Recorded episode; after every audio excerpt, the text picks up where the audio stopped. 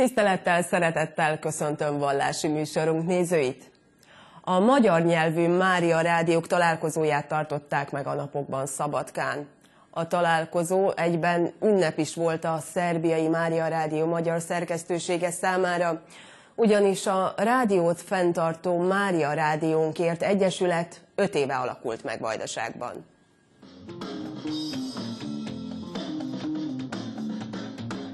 A Mária Rádió 1983-ban jött létre Olaszországban, műsora 16 éve Szerbiában is hallható.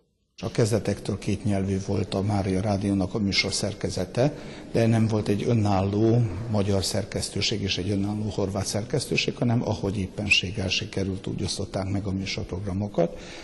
Úgy láttuk, hogy egy nagyon fontos, hogy egy saját szerkesztőség jöjjön létre, mint a két nyelvterületen, és így jött létre 2014-ben a Mária Rádiónkért Egyesülettel a Magyar Szerkesztőség is. A Mária Rádiók műsora az egy elég szigorú műsorrendhez köthető.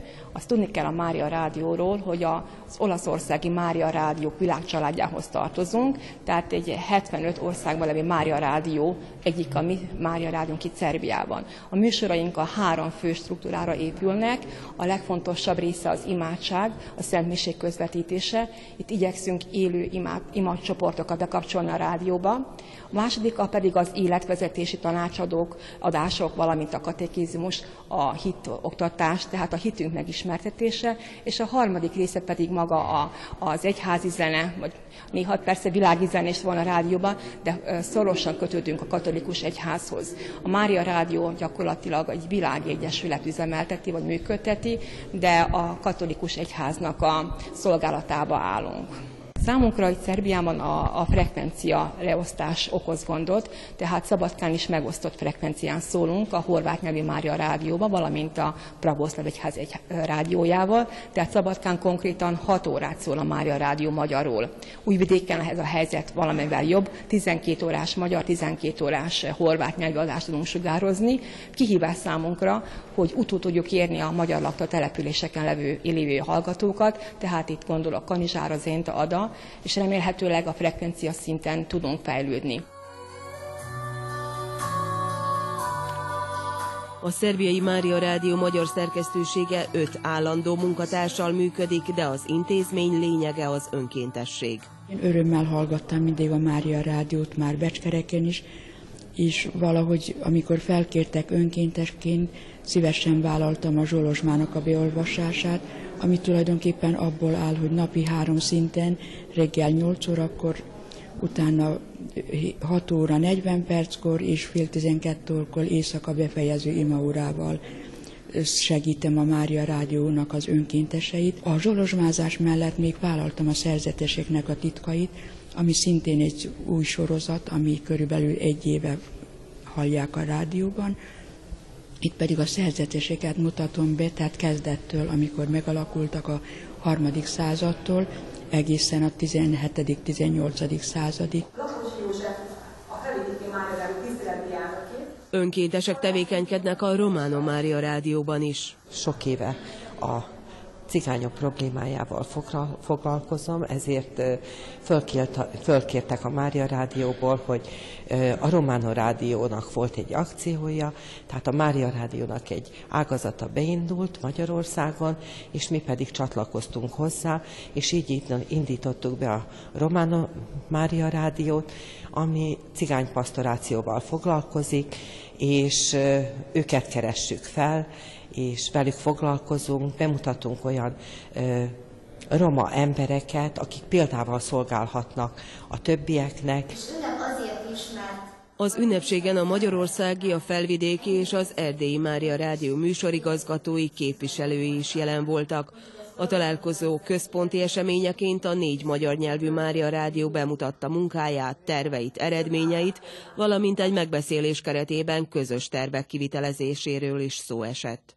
14. éve, hogy működik az Erdélyi Mária Rádió. Kimondottan a nem volt nehéz dolgunk igazából, és ez nyilvánvaló, hogy a, a világszinten a Mária rádiók azok az adakozásból élnek, és abból maradnak fenn, és abból tudunk fejlődni. Mivel Erdély arról híres, hogy a vallásosságáról nem volt nehéz dolgunk, nagyon szívesen fogadta a papság, az előjárók, a püspökök, mind a négy egyházmegyében, Magyar egyházmegyében, és természetesen Székelyföld az, amely igazából támogatja az Erdélyi Mária Rádiót. Mivel az egyik legkisebb Mária Rádió vagyunk, akár csak a délvidéki Mária Rádió, vagy a felvidéki Mária Rádió, mi annyiban vagyunk erősek, hogy nagyon sok a hallgatónk, tehát állandó 300 ezer hallgatónk van, de körülbelül még egy annyi adakozónk van, és körülbelül ezer önkéntes segíti a munkánkat Erdély szinten. Ahhoz képest, hogy a 1 millió 200 ezer magyar él Erdélyben, annak körülbelül fele római katolikus, viszont az a jó hír, hogy a más felekezetű emberek is hallgatják az Erdély Mária Rádiót, és segítenek a fennmaradásban is. A Velvidéki Mária Rádió 2000 12. május 20-án indult, akkor lett ugye, akkor áldották meg a stúdiónkat. Valójában eddig úgy hívtak bennünket, mint a Magyar Mária Rádió közül a legfiatalabb Mária Rádiót, hiszen legkésőbb indultunk. Most azonban, mivel a szerbiai magyar nyelvű Mária Rádió valójában most ünnepli 5. 5. születésnapját, tehát mondhatnánk, újra szervezésének az évfordulóját, és mi örülünk, hogy ennek részesei lehetünk, és velük együtt ünnepelhetünk. Tehát most valójában ők a leg legkisebb testvérünk, és örülünk annak, hogy együtt vagyunk, együtt próbáljuk mi is a nehézségeket, az örömeket, és együtt megünnepelni, és most az ötödik évfordulón velük lehetünk, és ez nagy öröm számunkra, hogy akár Magyarországról, akár felvidékről, akár Erdélyből itt lehetünk, és közösen ünnepelhetünk, hiszen valójában egy nagy családot alkotunk, mindenkinek ugyanazok a kihívásai nagyjából, ugyanazok az örömei, és tehát együtt vagyunk, és ez, ezzel tudjuk egymást segíteni, támogatni, buzdítani egymást, sőt tanulni is az egy, egymás örömeiből és az elért eredményeiből.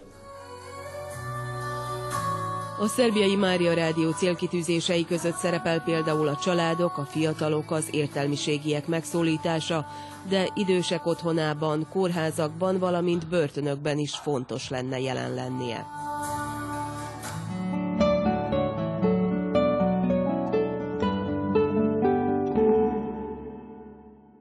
A cserkészeti jellemnevelő a jellemet pedig nem csupán a gyermekkorban érdemes fejleszteni, erre mindig kellene szánni időt. A cserkészetben mindenki ki tud bontakozni, hiszen egy széles körű mozgalomról van szó. Aki fiatal korában lemaradt róla, az most bekapcsolódhat, ugyanis a Vajdasági Magyar Cserkész Szövetség másodszor szervezett felnőtt képzést a Horgosi Dómuszpácizban. Ezáltal pedig az érdeklődő felnőttek betekintést nyernek a cserkészetbe, megismerik annak világszemléletét, valamint a cserkész mozgalom ifjúság nevelésének az elveit.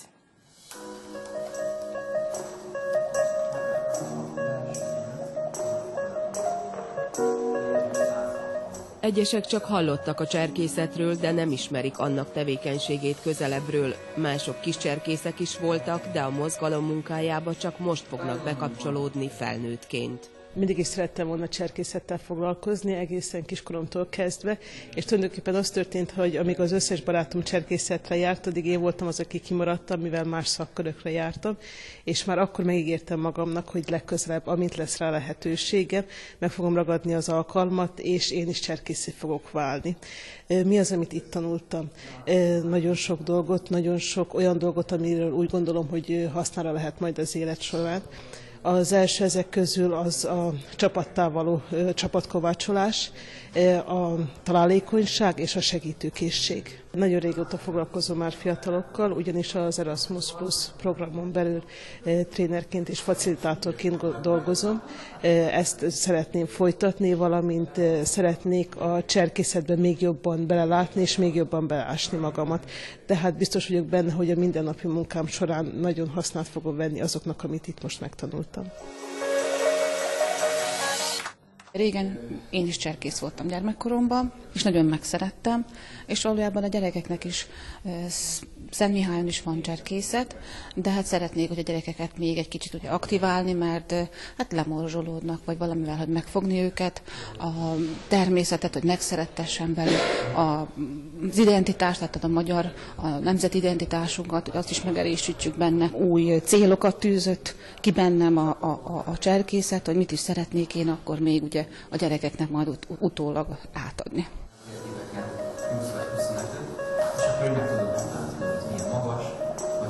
És 11 éve vagyok lassan cserkész, vezetőként 8 koromban kezdtem el tevékenykedni a szabadkai cserkész csapatban, azelőtt pedig csak tanultam. Azóta őrsvezető vagyok, és két éve pedig a kis cserkész rajt is vezetem. A foglalkozások és a kirándulások, valamint a táborok alkalmával a természetben olyan dolgokat kapok, amiket amúgy sehol máshol nem tudok megszerezni, kiegészíti a hiányosságaimat mind szellemileg, mind testileg megerősödök, és egy remek közösségnek lehetek a tagja, ahol, ahol fejlődök és ismerettségeket kötök meg. A felnőtt képzés célja, hogy Vajdaság azon településein is alakuljon cserkés csapat, ahol még nincs. A felnőtt képzést idén másodszor indítottuk el a Vajdasági Magyar Cserki Szövetségen belül. Célunk az, hogy a, felnőtteknek, akiknek nem volt alkalmú gyerekként megismerkedni vagy belekóstolni a cserkészetbe, így utólagosan felnőtt fejjel tudjanak csatlakozni hozzánk, és valamilyen cserkész élményt szerezzenek, ezen dolgozunk, és ezért szervezzük ezt a programot. Én idén 20 éve tettem fogadalmat, 20 éve vagyok cserkész, Jelenleg csapatvezetőként dolgozom, és itt, a, és itt a program keretein belül én vagyok az egyik szervezője programnak is, a koordinátora. Neked mi tetszett a legjobban azért, hogy én már akkor így 20 évig így kitartasz, illetve ilyen lelkesen csinálod? Hát gyerekkoromban még mindenki vonzó volt a, a sokszínű program, a sok játék. Aztán a középiskolás és egyetemista éveim alatt volt egy kisebb kihagyásom, utána pedig már a az elszántság, vagy, a, vagy az akarat, hogy a, a Csantavéren a helyi csapatot föllendítsük, újra behozzuk a köztudatba a cserkészetet otthon, a, otthon is, és a gyerekeknek lehetőséget biztosítsunk, hogy ők is megtapasztalják ezt az élményt, a, a közösség erejét. A képzés három hétvégéből és egy nyári táborból áll. Az első valójában egy kirándulás volt, amelyen a résztvevők megismerkedtek egymással. Január végén Mózsián a cserkész történelemről és a pedagógiai módszerekről lesz szó. Áprilisban pedig Magyarországon a lelkiség és a hit megközelítése kerül a középpontba, illetve a cserkész csapatok felépítése.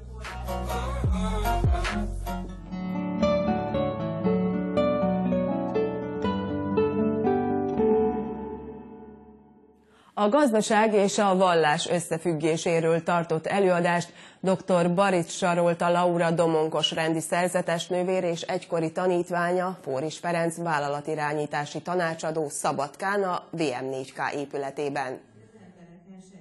Dr. Baric Sarolta Laura gazdasági szakemberként kezdte meg a pályafutását. Az erdélyi felmenőkkel rendelkező budapesti közgazdász azt mondja, 34 évesen hallotta meg Jézus hívó szavát, így belépett a domonkos rendbe. Szerzetes nővérként sem távolodott el a gazdasági élettől. Tanít a Szapiencia Szerzetesi Hittudományi Főiskolán, valamint előadásokat tart, szakmai tanácsokat ad cégvezetőknek és vállalkozóknak ezt a fajta közgazdaságtant, amit most hirdetek, ezt csak már mint domonkos nővér ismertem meg, egy nagyon kedves ö, ö, angol ö, domonkos nővértől, mondhatnám barátomtól, Helen Alfordtól, aki rávilágított arra, hogy a teológia és a közgazdaságtan szorosan összefügg egymással. És az egyháztársadalmi tanítása igenis egy csomó választ megad azokra a kérdésekre, ami, amik, amik nem adnak választ a mai problémákra, és akkor elvitt engem egy konferenciára Bilbaóba, ahol találkoztam olyan előadókkal, akik egyszerre voltak közgazdások és etikusok, közgazdászok és teológusok, és meghallottam ezt a gazdasági paradigmát. Amit mi hirdetünk itt, az még nem is csak, hogy a vallási értékekhez visszanyúlni, hanem az emberi értékekhez visszanyúlni. És ugye azt a hipotézist tesszük fel, hogy amilyen az emberi értékrend, olyan lesz a gazdasági rend. Tehát ha egy vállalkozó emberségesen tud gondolkodni, erkölcsösen, erényesen viselkedni és élni, és veszi azt a bátorságot, hogy ezt megvalósítja a gazdálkodásában is, és emberi értéket akar alkotni a gazdálkodásában, tehát nem pénzt felhalmozni, hanem, hanem értéket alkotni, akkor, akkor ezen az úton egy csomó mindent megtalál. Fóris Ferenc vállalatirányítási tanácsadó Baric Sarolta Laura tanítványa volt. Hosszabb ideje együtt tartanak előadásokat, szakmai tanácsadást nyújtanak az érdeklődőknek. Mindketten azt vallják, hogy akkor lehet eredményes egy cég, ha a vállalkozók a hitből ismerítenek. Nem a minél nagyobb profit elérése a cél, hanem az érték megteremtése, mondja a budapesti vállalatirányítási tanácsadó. Én ugye gyakorló vállalati szakember vagyok, mondjuk így, és a nővérnek ez jól jön talán olyan szempontból, hogy amikor elmondjuk a, a, azt, amit, amit az ő kutatásai is igazolnak, vagy hát amit most is az előadáson hallottunk, akkor jól jön az, hogyha valaki, aki a gazdasági életből jön közvetlenül, alá tud támasztani, és tud mondani gyakorlati példákat, hogy ez, ez nem egy kitaláció, hanem ez tényleg működik, és ez az életnek egy valós része. Csak jelenleg egy kisebb arányban résztvevő része, de hogyha ezt el tudnánk érni, hogy nagyobb arányban legyen, akkor jobb lenne a világ. Az alapvető az emberi gondolat mindig, ami a mélyén van. És a motiváció, hogy miért csinálja. Úgyhogy én azt tanácsolom, ugye vállalat, vállalati vezetőknek adok tanácsot, és vannak ilyen elhanyagolt területek, vagy ilyen, ilyen reklámnak szánt területek a vállalatok életében, amikor a vállalat küldetését kell megfogalmazni, mondjuk. És akkor én azt gondolom, hogy ezek nagyon fontos területek. Hát még nem a profit igényt fogalmaztuk meg, hanem azt, hogy miért létezünk. Miért létezünk, mint vállalat, mi a mi célunk. És akkor azt frankon meg kell mondani és ha ezt, ezt úgy meg kell mondani, hogy más embereknek is be kell vallani, akkor rögtön érz, érzi azt, akinek ez a feladata, hogy itt nem lehet mellé beszélni. Mert előbb-utóbb kiderül, és akkor bebukik az egész, meg kiderült, hogy már az elején hazudott. Tehát ott, ott nagyon tisztességesen ki kell találni, és meg kell mondani. És ez nagyban fogja őt segíteni, elsősorban, amikor majd a, a gazdálkodásra a döntéseit meg kell, csinál, meg kell tenni. Nagyban fogja segíteni a munkatársait, amikor őket is be kell állítani abba a szellemi húzatba, amiben dolgozik egy ilyen vállalat, hogy tudják, hogy miért és mit csinálnak, és a később a beosztott vezetői lesznek, akkor azoknak sem kell örökké a keziket fogni, hanem azonos értékrend mellett gondolkoznak, olyan döntéseket fognak hozni, amik megállják a helyüket. Úgyhogy ilyen tanácsokat adnék, hogy az elején kell nagyon tisztázni a motivációt, értékrendet, és akkor erre kell felépíteni a gazdaságot. Baric Sarolta Laura és Fóric Ferenc a Szabadkai Képzőkutató és Kulturális Központban tartott előadást.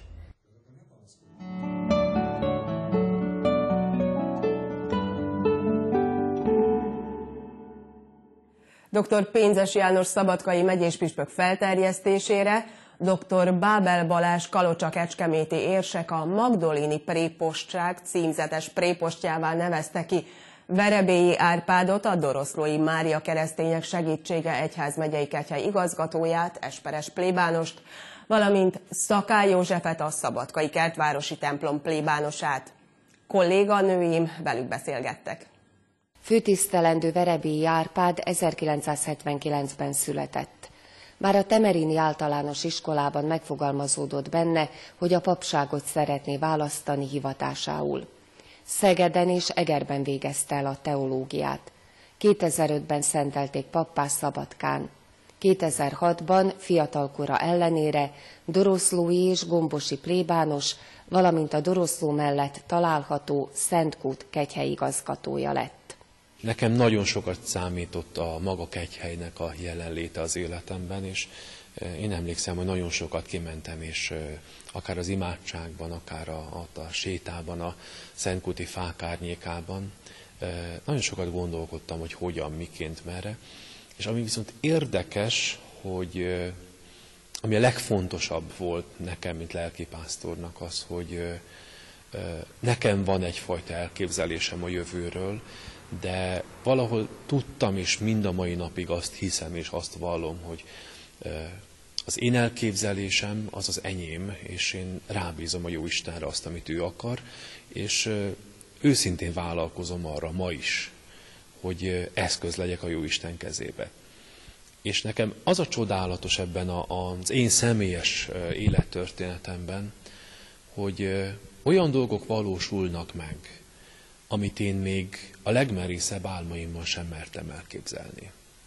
2009-ben a nagy beruházási alap révén a templomot kívülről rendbe tudtuk tenni, meg tudtuk építeni a szabadtéri oltárt, a Szentkuti benső úthálózatot meg tudtuk csinálni.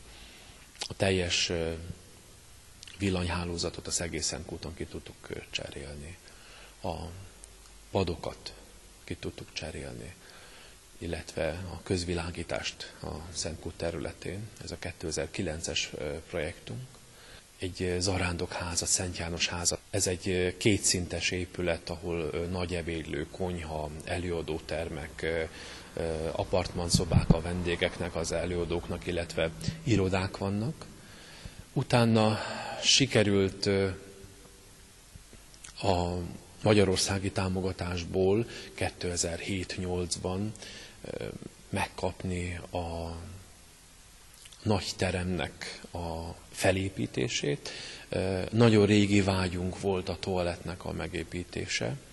Ezt is sikerült megvalósítani. Tehát akár a táborok, akár az arándoklatok kapcsán már van lehetőség arra, hogy a résztvevők megfürödjönek, illetve a tisztálkodási lehetőségeket korszerűsítettük. És ami még ugyebár folyamatban van, az a hotelrésznek a kiépítése. Főtisztelendő Verebélyi Árpádot dr. Pénces János megyés püspök felterjesztésére dr. Bábel Balázs Kalocsa Kecskeméti érsek a Magdolini prépostság címzetes prépostjává nevezte ki. Ezekről a kinevezésekről talán annyit érdemes tudni, hogy török előtt a, ugyebár a, történelmi is említettük, hogy az egyházi központok egyben világi központok is voltak, és ezek a préposságok, vagy apátságok, ezek az akkori itt élő népnek mindenféleképp a központjai voltak, és ezek hosszú évenken keresztül viselték ezt a megtisztelő címet. Hogy nagyon meglepett akkor, amikor pénzes püspök éppen a Szentkúti búcsún az asztalnál felén fordult és mondta, hogy neki az a szándéka, hogy kinevezzen prépostá vagy apáttá. Viszont tudni kell azt is, hogy ezek a címek, ezek a, a papságnak általában a, az út körülbelül az utolsó harmadában kiosztott címek. Én igazából valahol még itt az első harmadában toporgok. Én nagyon örülök neki, meg mindenféleképp úgy gondolom, hogy az a püspöki szándék, amivel engem ezt a kinevezésre felterjesztett, ez elsődlegesen azért kaptam, hogy miért ide lettem küldve a Szentkútnak a felújításáért. És a mi püspökünk egy nagyon bölcs püspök, nagyon ritkán szokta azt mondani, hogy, hogy bravo, nagyon jó, tehát, hanem egy ilyen gesztussal próbálja kifejezni azt, hogy az az irány, ami talán a Szentkúton elindult, ez egy olyan irány, amit ő is jónak lát. Szakály József Zentán született, általános iskolai tanulmányait ott végezte, majd Budapesten tanult tovább. Zenei pályára készült. A vallás mindig is jelen volt az életében, gyermekként minisztrált. Később teológiát tanult, mesterfokozatot szerzett. Jelenleg a doktori disszertációján dolgozik. Úgy fogalmaz, Kezdettől fogva benne volt a pakliban, hogy a papi hivatást választja. 2004-ben szentelték pappá Szabadkán. A templom épület, a templom, mint az Úristennel való találkozás különleges helyszíne és helye mindig is vonzott, akkor is, amikor még nem voltam hittanos, aztán később, amikor hittanos lettem, elsáldozó lettem, zentán elkezdtem minisztrálni, akkor valami különleges, olyan hátborzongató érzés volt először minisztrás ruhában odaállni az oltár elé. Tehát valahogy a templom épület és ismétlen magam a, az Úrral való találkozás épülete, különleges helyszíne nagyon vonzott, és aztán igyekeztem ezt a kapcsolatot az Úrral úgy elmélyíteni, hogy amennyire lehet próbálj, próbálj nyitott maradni az ő gondolataira is, és vagy leginkább csak arra is, és ne a saját elképzelésemet próbáljam meg minden arra keresztül vinni.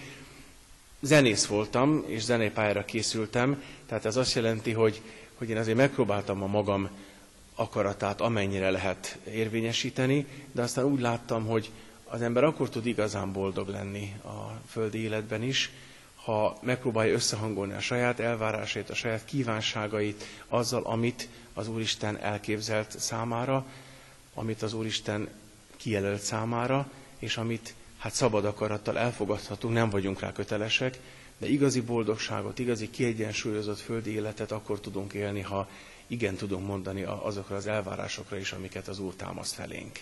A közösségteremtést fontos feladatának tekinti, igyekszik mindent megtenni annak érdekében, hogy a gyerekek jól érezzék magukat a hittanórákon.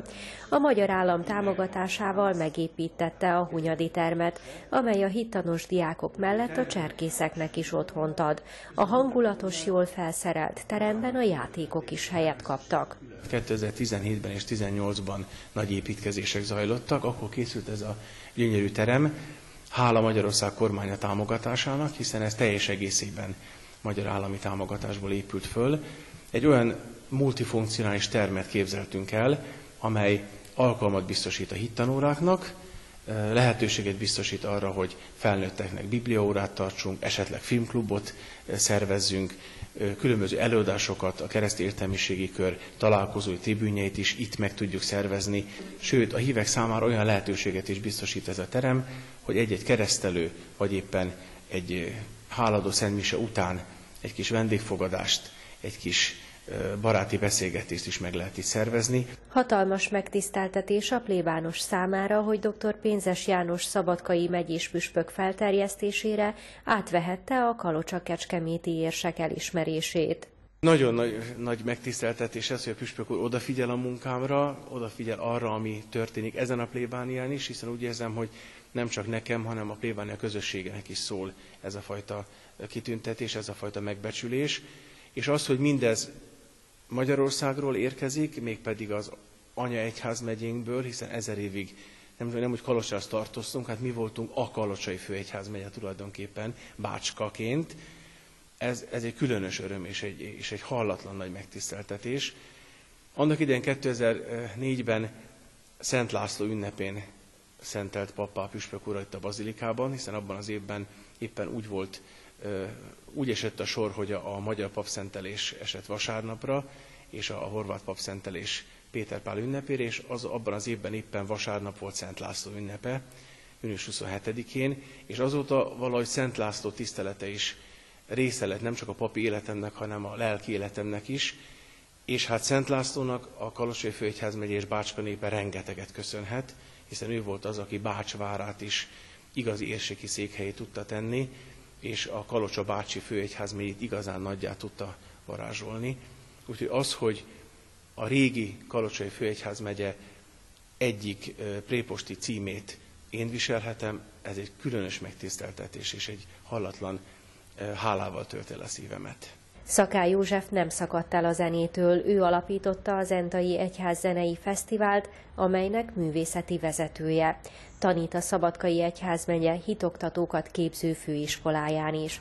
Ír, rendszeresen publikál a vajdasági katolikus, illetve a világi sajtóban is. Vallási műsorunk végén köszönöm megtisztelő figyelmüket a viszontlátásra.